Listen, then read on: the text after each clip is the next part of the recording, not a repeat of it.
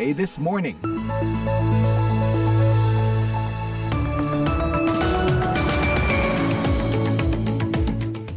Halo halo pendengar, selamat pagi. Senang sekali saya Puspita Sariwati dapat menjumpai Anda lagi pagi ini. Wah, sudah pertengahan bulan Juli nih dan musim panas di sini. Hampir sama suhunya dengan di Indonesia. Meskipun panas, tetapi banyak festival dan konser musik digelar. Baiklah pendengar, bersama produser Bani Rahayu, kami telah menyiapkan sejumlah laporan dan info terkini. Di antaranya, masuknya Swedia menjadi anggota NATO memicu reaksi Rusia. Kami kaget atas cepatnya baik Finlandia maupun Swedia membatalkan status mereka sebagai negara yang netral. Indonesia dan ASEAN mengutamakan dialog dalam menyelesaikan isu-isu hak asasi manusia. Our differences should not be an excuse for us to abandon pressing human rights issue in our own region. Pendengar, selain itu, berbagai info menarik akan kami sajikan, di antaranya mekanik otomotif perempuan, bidang yang didominasi laki-laki. Siaran ini juga bisa Anda ikuti melalui situs www.voaindonesia.com atau simak dalam podcast VOA This Morning episode hari ini di podcast langganan Anda. Kini kami sampaikan berita dunia bersama rekan Karlina Amkas. Selamat pagi, Presiden Amerika Joe Biden selasa mengatakan KTT NATO tahun ini merupakan momen bersejarah. Aliansi militer itu bersiap memperbesar diri sambil menangani masalah seputar perang yang memanas di Ukraina. And this historic moment, adding Finland and Sweden to NATO is consequential. Uh, Ini adalah momen bersejarah, kata Biden kepada Sekjen NATO Jens Stoltenberg. Menambahkan Finlandia dan Swedia ke NATO adalah konsekuensi dan kepemimpinan Anda sangat penting. Kami menyetujui bahasa yang Anda usulkan terkait masa depan Ukraina untuk bergabung dalam NATO. Stoltenberg selasa mengatakan bahwa ia sangat yakin parlemen Turki akan menerima anggota baru Swedia. Sementara itu, Presiden Ukraina terus mendesak agar negaranya dimasukkan ke aliansi keamanan tersebut, langkah yang tampaknya tidak mungkin diambil anggota NATO pada pertemuan puncak ini di ibu kota Lituania.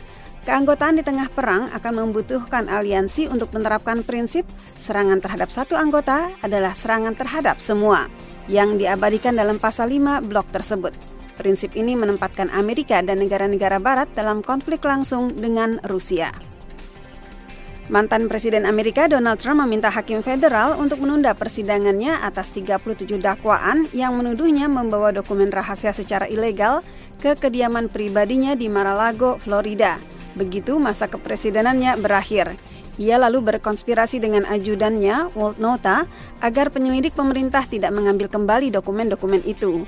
Jaksa telah meminta Hakim Distrik Eileen Cannon untuk menunda hingga 11 Desember, empat bulan dari jadwal yang ditetapkan sebelumnya 14 Agustus, untuk memberi lebih banyak waktu bagi kedua pihak untuk bersiap. Trump dan Nauta mengatakan dalam pengajuan pengadilan pada Senin sore bahwa tanggal persidangan pada Desember yang diusulkan pemerintah tidak realistis. Mereka tidak akan mempunyai cukup waktu untuk bersiap. Belum ada tanggapan dari jaksa khusus Jack Smith yang menuntut kasus dokumen rahasia terhadap Trump dan Nauta. Ia juga sedang menyelidiki peran Trump dalam upaya membalikkan kekalahannya dalam pemilihan presiden pada 2020 dari Joe Biden dan dalam serangan terhadap gedung Capitol pada 6 Januari 2021 oleh pendukung Trump ketika anggota DPR sedang dalam tahap awal untuk mengesahkan kemenangan Biden. Lebih dari 25 persen pekerjaan yang dipegang oleh pekerja yang tinggal di negara-negara terkaya di dunia bisa diambil alih oleh artificial intelligence (AI) atau kecerdasan buatan yang semakin mirip manusia. Ini tertuang dalam laporan baru yang dirilis Selasa oleh Organisasi untuk Kerjasama Ekonomi dan Pembangunan (OECD). Organisasi itu melakukan survei terhadap 38 negara anggotanya yang mencakup negara-negara kaya seperti Amerika Serikat dan Prancis, serta ekonomi berkembang seperti Estonia dan Meksiko. Didapati bahwa 27 persen angkatan kerja memiliki pekerjaan yang dapat dengan mudah diotomatisasi. Survei juga mendapati bahwa para pekerja khawatir akan kehilangan mata pencarian karena AI. OECD mengatakan sejauh ini hanya ada sedikit bukti bahwa ini sedang terjadi. Tetapi mungkin karena pengembangan AI masih dalam tahap awal.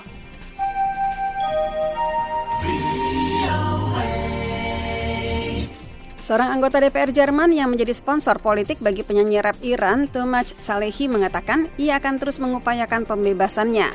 Salehi dipenjara atas tuduhan yang tidak bisa dibuktikan terkait protes anti pemerintah yang meletus pada 2022. Yi Wanri berbicara kepada VOA setelah pengadilan Iran menghukum Salehi 6 tahun 3 bulan penjara pekan ini. Ia dihukum karena korupsi di bumi, tuduhan yang dapat dihukum mati. Ri mengatakan walaupun Salehi tidak menghadapi hukuman mati, kita tidak boleh terlalu berpuas diri karena orang yang tidak bersalah telah dihukum penjara. Mengomentari persidangannya, Ri mengatakan fakta bahwa mereka menggelar sidang tertutup dan tidak ada yang bisa melihat dokumen pengadilan menunjukkan bahwa mereka tahu bahwa kasus ini tidak memiliki dasar yang tepat. Otoritas Iran menahan Salehi pada 30 Oktober 2022. Lagu-lagunya mengecam penguasa dan perlakuan tidak adil terhadap rakyat Iran. Enam penumpang helikopter yang jatuh Selasa di kawasan Lama Jura dekat Gunung Everest di Nepal tewas, kata pihak berwenang Selasa. Semua jasad korban ditemukan dan diterbangkan keluar daerah itu, kata Basanta Batarai, Kepala Administrasi Pemerintahan di daerah itu. Mereka adalah lima turis warga negara Meksiko dan pilot orang Nepal, kata otoritas, otoritas penerbangan sipil Nepal dalam pernyataan. Kelima turis Meksiko itu mencakup dua laki-laki dan tiga perempuan. Dua helikopter penyelamat digunakan untuk mengangkut jasad korban dari lokasi kecelakaan ke ibu kota Kathmandu. Biasanya penerbangan ditunda dan rute diubah dalam musim hujan dan ketika hujan lebat. Demikian berita dunia VOA Washington.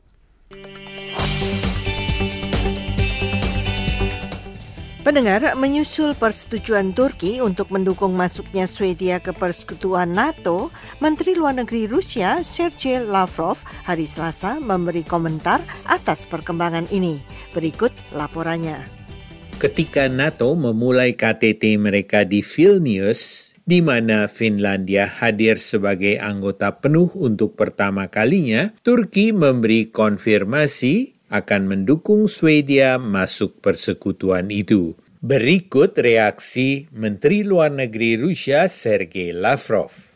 поразила та скорость, которой и Финляндия, и Швеция отказались от своего нейтрального статуса. kami kaget atas cepatnya baik Finlandia maupun Swedia membatalkan status mereka sebagai negara yang netral dan memilih menjadi anggota NATO. Mereka membatalkan keuntungan dari status netral yang selama puluhan tahun memberi mereka peran yang independen serta citra dan kewibawaan baik di Eropa maupun di panggung internasional.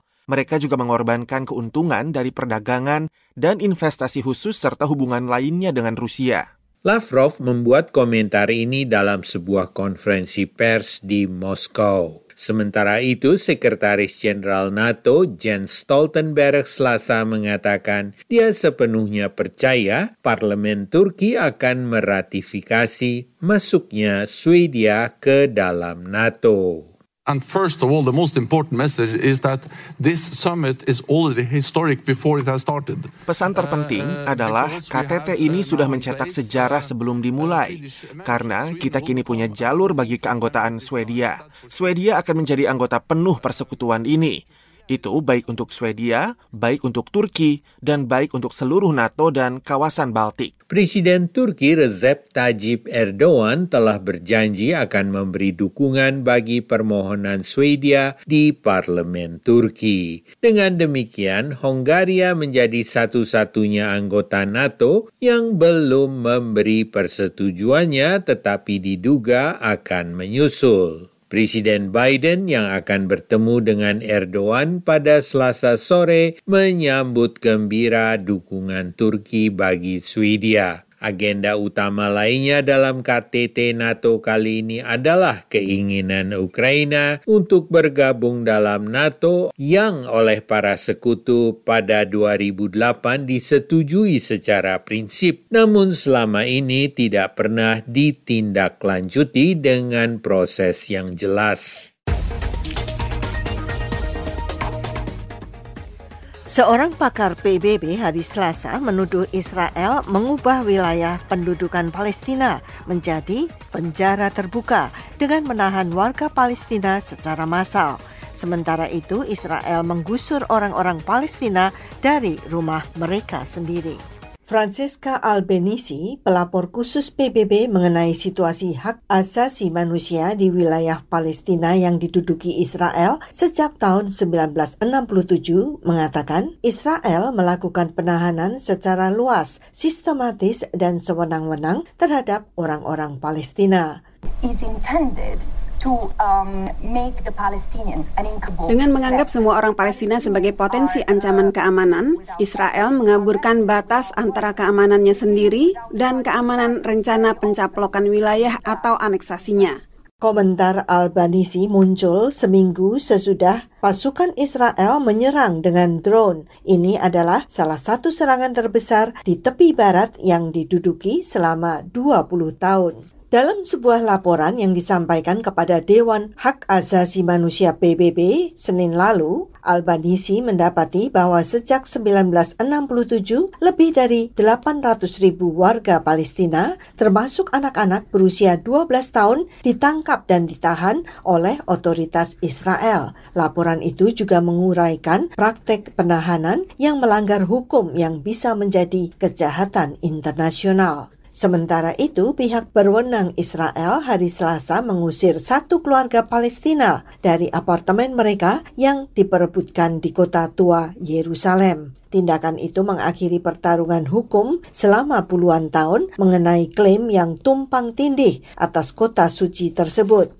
Para aktivis mengatakan penggusuran keluarga Gaith Sub Laban dari rumah mereka adalah bagian dari tren yang semakin luas yang dilakukan pemukim Israel. Tindakan mereka didukung oleh pemerintah Israel. Ini, kata para aktivis, melanggar batas kawasan Palestina. Israel memperkuat kendalinya dengan merebut properti-properti di Yerusalem Timur. Warga yang digusur, Nora Gaith, mengatakan, jika mereka memiliki kejujuran atau keadilan, semua rumah milik orang-orang Arab sebelum tahun 1948 akan tetap ada. Jika ini adalah rumah mereka, seperti yang mereka katakan, meskipun saya meragukannya, lalu mengapa mereka tidak mengembalikan rumah milik kami? Kami memiliki rumah. Israel menggambarkannya sebagai pertempuran sederhana atas real estate. Para pemukim mengklaim bahwa keluarga itu adalah penghuni liar di apartemen yang sebelumnya dimiliki oleh orang-orang Yahudi. Puspita Sariwati, VOA, Washington.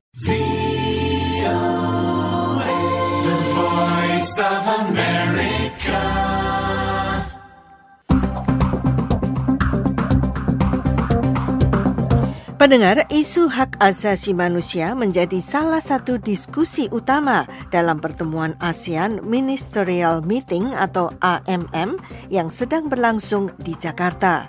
Indonesia bertekad mengutamakan dialog dalam menuntaskan isu-isu ini. Indra Yoga melaporkannya dari Jakarta. Memperingati Deklarasi Universal Hak Asasi Manusia ke-75 adalah salah satu rangkaian acara ASEAN Ministerial Meeting 2023 yang dihadiri Menteri Luar Negeri Republik Indonesia, Retno Marsudi, dan 10 Menteri Luar Negeri anggota ASEAN lainnya. Dalam pernyataannya, Retno mengatakan bahwa seluruh anggota ASEAN perlu memanfaatkan momentum tersebut untuk meneguhkan kembali komitmen pada nilai-nilai yang ada di dalam deklarasi tersebut. Our differences should not be an excuse for us. Perbedaan yang ada tidak boleh menjadi alasan bagi kita untuk mengabaikan isu-isu hak asasi manusia yang mendesak di wilayah kita masing-masing. Ditambahkannya, setiap negara anggota ASEAN tidak boleh goyah dan harus selalu memperkuat kerjasama yang berdasarkan niat baik dan kesediaan untuk saling belajar satu sama lain, meskipun di tengah kompleksitas yang ada di lapangan. Selain itu, Retno juga menegaskan bahwa ASEAN harus lebih fokus terhadap dua hal, yakni lebih mementingkan berdialog dan memproyeksikan nilai-nilai ASEAN secara global.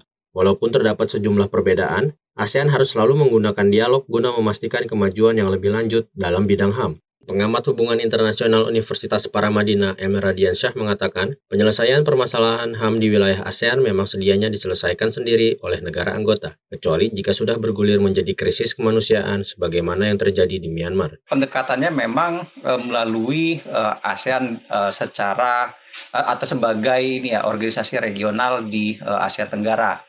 Bagaimana negara-negara Asia Tenggara gitu ya uh, ini melakukan approachment pendekatan gitu terhadap uh, uh, Myanmar itu sendiri dan uh, tidak bisa uh, terpecah dalam artian uh, salah satu negara mengambil inisiatif sendiri tanpa kemudian uh, berkoordinasi lebih lanjut, uh, berdialog, berkomunikasi dengan uh, sesama negara uh, anggota ASEAN. Menurut Emil, permasalahan yang ada saat ini di Myanmar merupakan masalah HAM yang tidak mudah diselesaikan, mengingat bahwa Myanmar saat ini dikendalikan oleh militer. Ini tampak dengan sikap Myanmar yang tidak kunjung menerapkan konsensus lima poin yang disepakati para pemimpin ASEAN pada April 2021 lalu. Dengan tetap tak bergeming meskipun kini diberi semacam sanksi, yakni tidak dapat mengikuti pertemuan-pertemuan ASEAN. Isi lima poin konsensus itu adalah pengiriman bantuan kemanusiaan, penghentian aksi kekerasan, diselenggarakannya dialog inklusif, pembentukan utusan khusus, dan kunjungan utusan khusus ke Myanmar. Emil mendorong pelibatan masyarakat madani secara lebih intensif untuk mendorong penyelesaian isu-isu HAM yang masih terus marak di ASEAN. Dari Jakarta, Indra Yoga, VOA Washington.